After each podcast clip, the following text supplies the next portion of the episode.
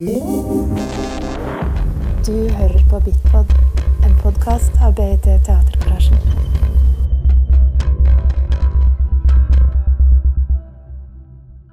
Okay, everyone, thank you for coming and staying for the artist talk.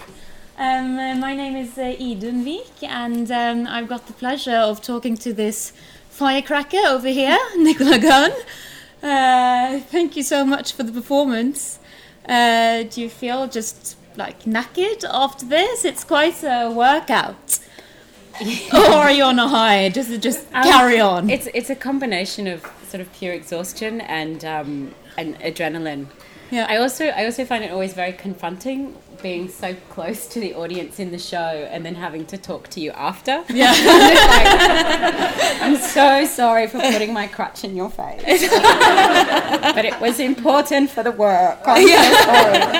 Um, but yeah, so it's all, I, I I always find it a very strange relationship doing this directly after a show. Sometimes I think it's nice for an audience just to digest and you know talk among talk amongst yourselves and not have me kind of unravel it all for you. not that I will do that. No, no, of course, of course. But you say uh, the piece premiered late 2015, and now you've been touring it quite a lot lately. Um, yeah, probably not quite a lot. No? Just sort of starting the touring actually um, in September. Although we started in August, we did a week in um, Helsinki, and then we had a month off, and then we sort of have just started okay, um, cool. touring. We we we premiered in Australia, and then usually there's like a lag of about a year or more before you actually start touring. Um, to get it, it takes that long to get out of Australia. So um, we've just yeah, so we've just sort of started our tour. Um, we presented it in New York in January, just gone, Yeah, and um, and now it seems to be picking up a bit. yeah, cool. And do you feel has the piece changed a lot since you premiered it, or is Oh, it? yeah. pretty- yeah. Yeah, a little bit. I think it's it's being more comfortable. I think it's finding more nuance, Yeah. um, more subtlety, um, which is funny because I feel like the shouty Australian woman. Norway is so subtle, so so I've actually toned it down. um, yeah, so I think it's it's just become a little bit more nuanced, and I think it's it's funny that I'm finding. Um, I guess, shape in the text myself, even i- in the last few months, even though I kind of wrote it, but finding more and more in it, Yeah. I suppose, to play with. Yeah.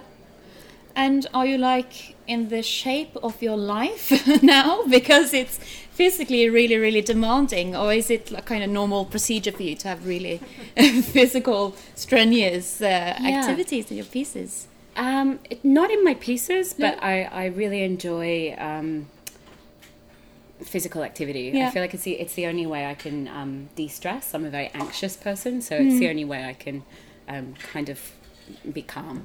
Yeah. Um, so it's it's not too it's not too difficult. Yeah. but um, I, I- as I am getting older, I'm actually finding more and more injuries in my body, and Yeah. because I'm not actually trained to do this. Believe it or not, um, I, I, it's, I, yeah, my body's kind of does freak out and go, "What the fuck are you doing?" and so I, yeah, I'm- kind of I have ongoing osteotherapy and Yeah. physio. Like, I've really fucked my body actually with this show.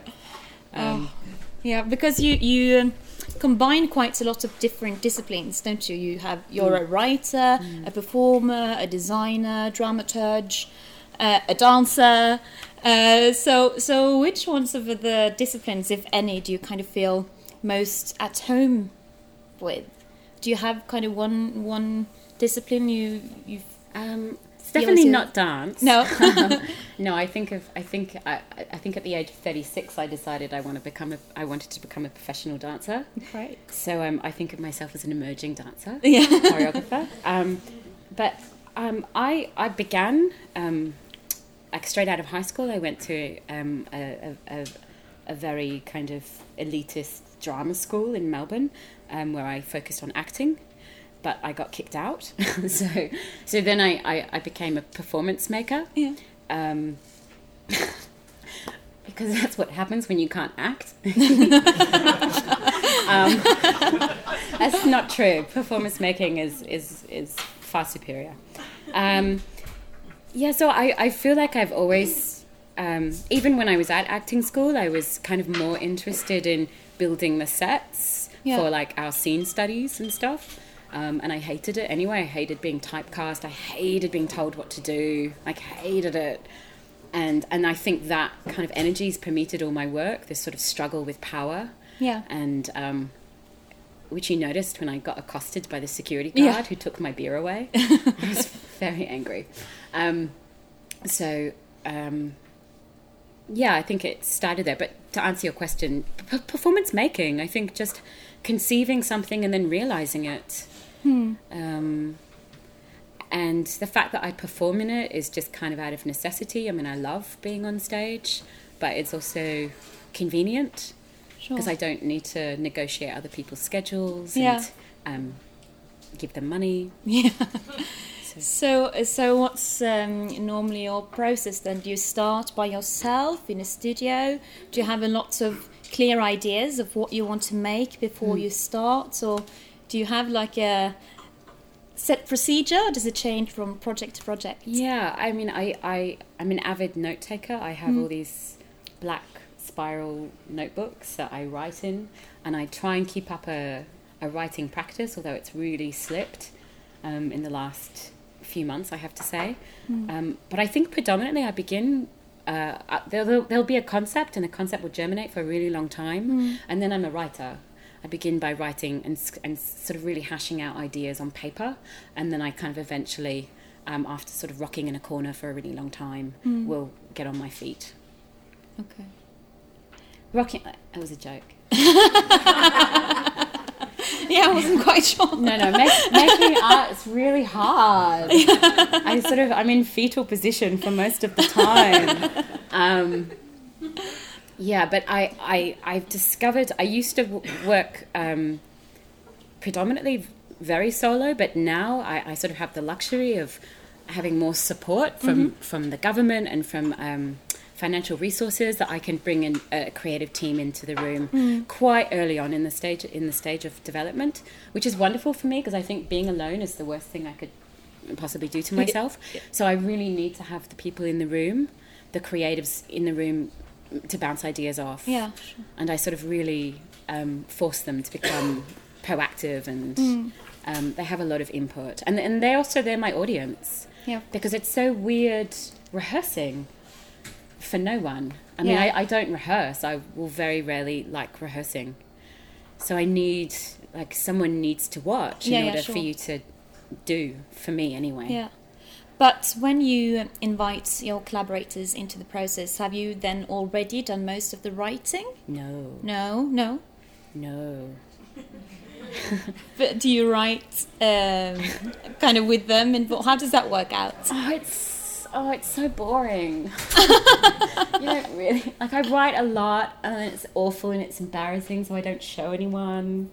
And then I, I I'm too scared to say the words, and I have to say them by myself for like a really long time. And I I just keep like trying to find ways to to. to insert my text into casual conversation to see like how it's received. Um, so it's a really laborious sneak. I have to kind of trick myself into sharing my writing and rehearsing. Um, but it's funny because now I know, I mean, of course I know my tricks. So it Yeah. just, the whole thing is, it, it, it's, yeah, I don't know. I don't know how I eventually get it done, but it's, um, I do have a, a framework, a very loose framework of a text, and I, I will just continuously kind of tell it as a story until I find what sounds good in my ear. Yeah. It then- seems like the tricks are working very well to me because Yeah. uh, it seems very well composed at the same time as it seems spontaneous and authentic. Yeah, So- I mean, what's interesting about this work is that, of course, because the story is based on something that really happened to me, um, the, the, the crux of the, the incident with this stranger really did happen. And so I was preoccupied with this event for a really long time, and I knew it was going to be a work. So I had this story, and and then I started working with a choreographer, and we sort of developed this vocabulary of movement mm-hmm. first. that related to the story before I even had written the text. Oh, really? And in this particular work, the text was actually the hardest thing to write because I couldn't find the right voice, I couldn't find the right mm-hmm. tone. I, I for ages didn't want to be directly like addressing the audience, and I was trying to work out how I could have these characters and interrelating. I just couldn't work out the relationship with the audience, and so it, there were so many different iterations of what this work could have been um, until it the, the the most obvious and the simplest way Yeah. like eventually came i think i because i was um i wanted i, I couldn't believe that something could be so simple that i would just um, talk about this incident from different perspectives and from like this moral, moral and ethical viewpoint I, I, I couldn't believe that a work could be that simple and that's what it ended up being Yeah, and it's uh, simple and so complex at the same time. yeah Um, but uh, when you worked with this um, choreographer, what's your process then? Does she give you like uh, improvisation um, things Yeah. to, to solve, uh, Um, or is she giving have- you like yeah. specific movements? Or We we sort of we've been working together for quite a few years, and um, we have a shared practice together. We call conversation therapy, which is um, for us. We find the process of talking and moving like really therapeutic, and um, really generative. So we would just spend hours in a rehearsal room, like talking about the show and moving, and the moving is kind of mirroring and uh, sometimes I would lead and she would lead, but it's about kind of mirroring. So, um, a- a- sort of abdicating responsibility by following someone else's choreography and just being able to talk, and then occasionally you take the lead. And so we just have this ongoing practice, and and so as we were talking about the story and the violence and the throwing and the, you know, the kind of gestures, kind of came from that. Um, and then they were and so for me actually learning the choreography was incredibly complicated because i it's it's i don't have that innate skill. And so it was kind of most important to get this vocabulary of movement first. And and so each gesture became was its own um, entity. And then it was about sort of um, sewing them together to create this kind of choreography that that constantly slides over the text. It, it's a little bit changeable. Yeah, but it seems a little bit like mainly the text is leading, but in other sections the the um, movement will lead. So it seems a little bit like your process has infected how we see it as well.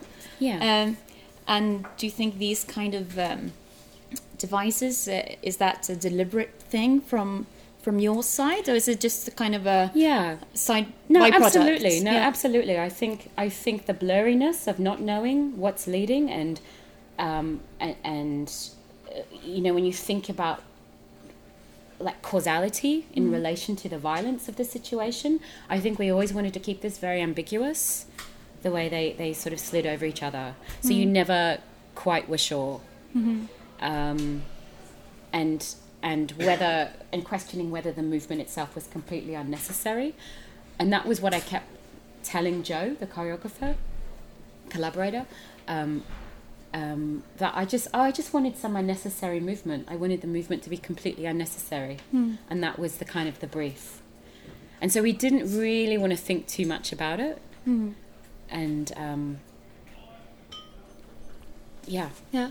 And then uh, how did you integrate the other elements with the music, the microphone, the sound design, and the lighting? Um, well, I, I knew there was going to be a ghetto blaster. Um, no, because I actually came up with the title before I even had a show. um, yeah, originally it was going to be like a totally. I don't know why we have to do that sometimes when we apply for funding. You have to have a title for something that doesn't exist. and I've used ghetto blasters a lot in my work because I love um, how transportable they are and that I this this this idea of just having this music that accompanies you and you just put it down and you do something and then you fuck off. That was I love that aesthetic. um, and so I always had the, the title first and, and then I found this incredibly expensive vintage ghetto blaster on eBay. Cost fifteen hundred dollars. Fifteen hundred. I mean, that's nothing for you guys. yes, it is. It is. That's like that's like cheap coffees and a croissant. um, but for us, it was so it was fifteen hundred dollars on eBay, and it's the biggest ghetto blaster ever built. It's a vintage like 1985. It's got a special name. Um, can't remember what it was called. It's it's got some funny name. And then we completely gutted the inside, so now it's absolutely worthless. and we've um, we've we've made all this remote sound system, and um, we do normally have an LED light system as well, um, but it broke in transit, and we haven't been able to find the parts to replace it. But um, I'm just telling you a story about a ghetto blaster. Yeah, the lighting, oh, all the other things. Oh, yeah. and so the sound obviously. Um, so when Kelly was working with the sound, he knew that he was working from the Ghetto Blaster, and so we simply were just looking at really cheesy synth '80s beats, and um, I always wanted him to get a bit more hip hop, but he he he didn't go there, which is good because I actually got in a lot of I got in a lot of trouble in New York for calling the show Ghetto Blaster. oh. It's very politically incorrect. So it's really good that I didn't have hip hop in the show. um, but yeah, he just he just um, he, he would he had his keyboard in the rehearsal room and he would just jam Yeah.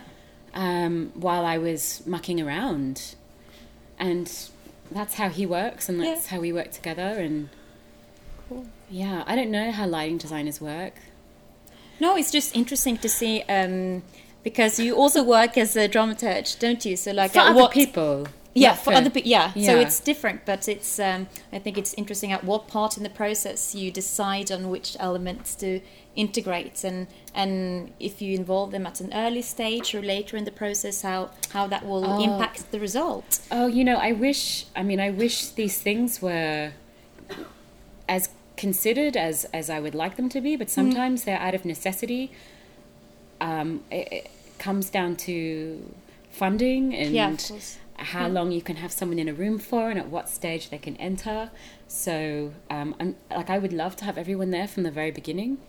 But it's just, just not possible. So the Yeah. lighting designer actually came at the very end, Mm-hmm. probably at about um, maybe five weeks before premiere Mm-hmm. and and I, I I always like very simple open spaces Mm-hmm.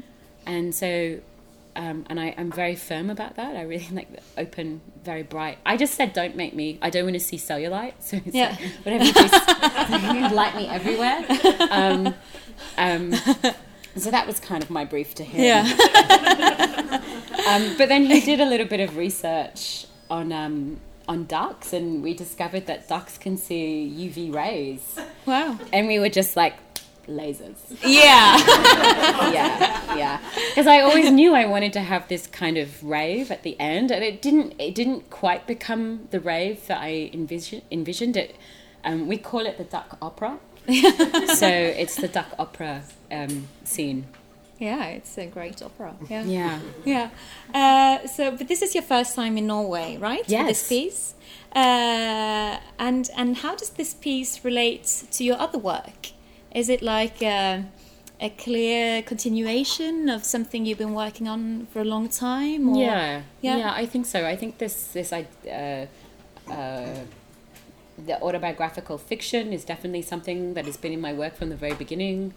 Um, the kind of self-referential nature of my work. I'm very interested in interrogating the role of the artist in my work, for good or for bad. I can't help it. I'm just very interested in it because I think we're often so good at critiquing many aspects of society, and we often don't hold ourselves accountable for what we do. And I see a lot of um, artists being quite irresponsible, myself included. I've done some um, pretty stupid things in my time. Um, so I, I have a strong interest in um, uh,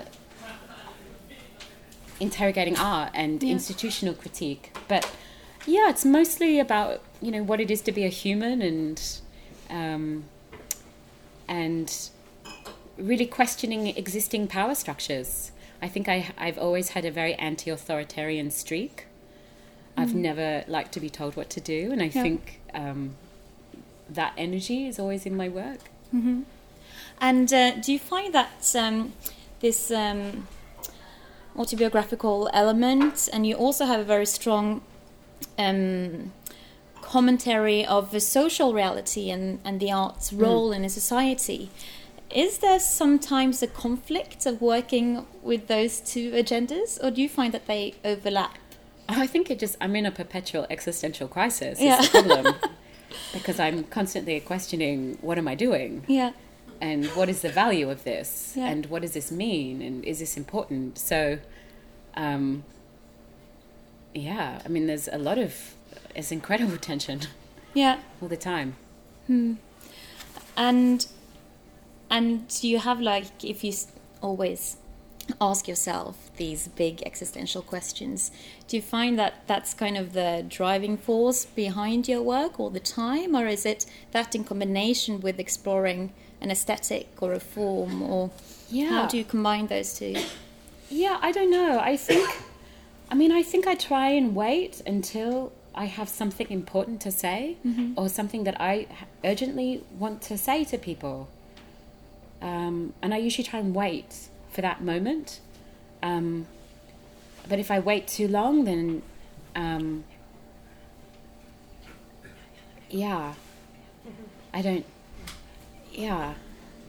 Because it's a long paid. it's a long process isn't it to develop a show like you have to apply for funding you wait It's for months like- and months I know and it's, then it's also it's such a dirty conversation to always talk about money. Um, with the art, I wish I can be very pure and just be like, oh, I just make art because, Yeah. because I love it. Yeah. But um, because but but I, I I do love it, and of of, of course I do. But um, I also if I don't if I don't make, I'm not getting paid. I mean, it's my choice. I could get another job. Um, but yeah, I really don't actually. I feel very dirty talking about that. Um, but I think we always talk about funding. Um, Yeah, but it's kind of a worse. necessity, isn't Yeah, it, to, to do what we do? But I, I can relate to that. If you have an idea and and then you apply for the funding, and by the time you maybe get it, if you're fortunate, Mm. Yeah. then you become interested in something else. Exactly, you know? exactly. no, it's a problem, but you just have to stay. You have to just find ways to remain curious Hmm. um, in the idea. I think, like I, I have, I think three different ideas for new works at the moment, and um, and and I, I on a day to day basis, I kind of go, oh no, I'm not into that one anymore. I think I'm more interested in this one. Yeah. But that one's got a premiere. Oh shit. Oh, Yeah. so then I just have to I have to keep finding ways to be interested in Yeah, it. sure. And of course, um, like at the this new work that I'm making is is about um, thematically, so kind of looking at children and shame, looking at shame as a as a theme. And I never work from a theme. I don't go, oh, I'm going to explore shame. No. But um, I, I think I'm interested in shame because of my own experiences. Um, uh, and so yeah, I have to, and I and I know that my original idea, that this is the narrative that I'm constructing around children and shame and art, um, will change, will evolve over the next year. But You have some kind of a foundation. I do, Yeah. I do. I also have publicity copy, so I have to kind of adhere to some of those elements. Yeah. yeah. yeah. Uh, but do you find that often it's um, something that stems from your own experiences? That's the starting point of a new piece? Yeah, always. Yeah. Always. It's always I I I, I have to be interested in what I'm interested in. Yeah. It just sounds so stupid, but it's um it sounds so obvious. no, Um so I yeah. But sometimes you also work with others, right? You, you're a collaborator in other people's uh, projects. Yeah. And how do you find alternating between when, I mean, you, you have s- like sole responsibility almost. So, I mean, you do the writing and you're performing and you're directing in your own pieces. How is it then to go into a totally different framework where someone else is, is setting up what uh, Oh, it's kind of guidelines? it's kind of wonderful and Yeah. infuriating. Yes. Um, um, it, it depends. I, I've I've had a lot of wonderful collaborative experiences, and then I've also had a lot of really terrible collaborative experiences. And I think everyone does that, where you think, oh, I like your work and I like your work. Oh, we should make something together. And it doesn't work um, because um, you, you could be two very determined, headstrong people, and it's like, oh, you know, someone has to. Kind of in every collab, you guys are like, oh yeah, we can talk later. Um, yeah, I think like um, I'll talk really fast. Um, so, so I think I think there's this idea that in a collaboration there has to be consensus. And, and that's not true. I think if, if you're waiting for consensus all the time, you're in the state of inertia. You don't move forward.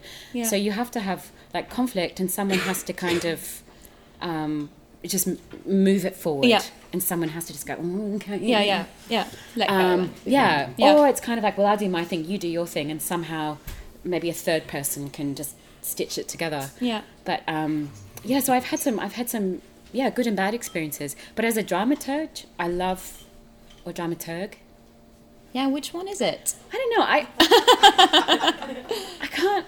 Dramaturge sounds too much like turd. Dramaturg. somehow I like dramaturg better. Dramaturg. Yeah, that's closer to Yeah, Norwegian. I like dramaturg Yeah, better. yeah. Um, Let's go for that. I love working as a dramaturg for dancers. Yeah. For choreographers. I love it. Yeah. Um, because it's, and I sort of find often when I'm in these situations, I get, you get a bit of Stockholm syndrome when you work with other people as a dramaturg because, I mean, you may not actually really like what they're doing, but you're so invested and you know how rigorous their methodology is that Yeah. you're just like, everything is perfect the way, like it's so, Yeah. it's amazing. And really, you might actually just not actually like their aesthetic at all. But it's, um, but, um, yeah, but I, I I really enjoy working, and in some situations where you actually, I, I think in Australia, this I, the role of the dramaturg is um, is a bit ambiguous. I don't think anyone really knows what a dramaturg does. I don't think it has the same cultural value as it does in Europe, um, and so I, I think people are tr- now trying to figure out Yeah. what a dramaturg does, Yeah. and and it's it's funny because people often bring on a dramaturg late in the process and don't involve them like full time, which for me is insane. Yeah. Um, so I think we're we're I think we're kind of negotiating that role a little Yeah. bit. I think it's the same case here in Norway. That's, uh, I mean, um, historically, it's of course been a much more literary role, but now uh, it's more often that it's coming in practically and seeing how the different elements speak together. Yeah. But there are very different procedures of what stage you involve them and how much they are involved. But Yeah. um, as we're about to run out of time, do you want to just quickly say something about your next piece or something that has premiered since this one? No. No. no. Fair enough. Okay. Well, we hope that you want to come back again. Thank you so much for being here. Nicola. you.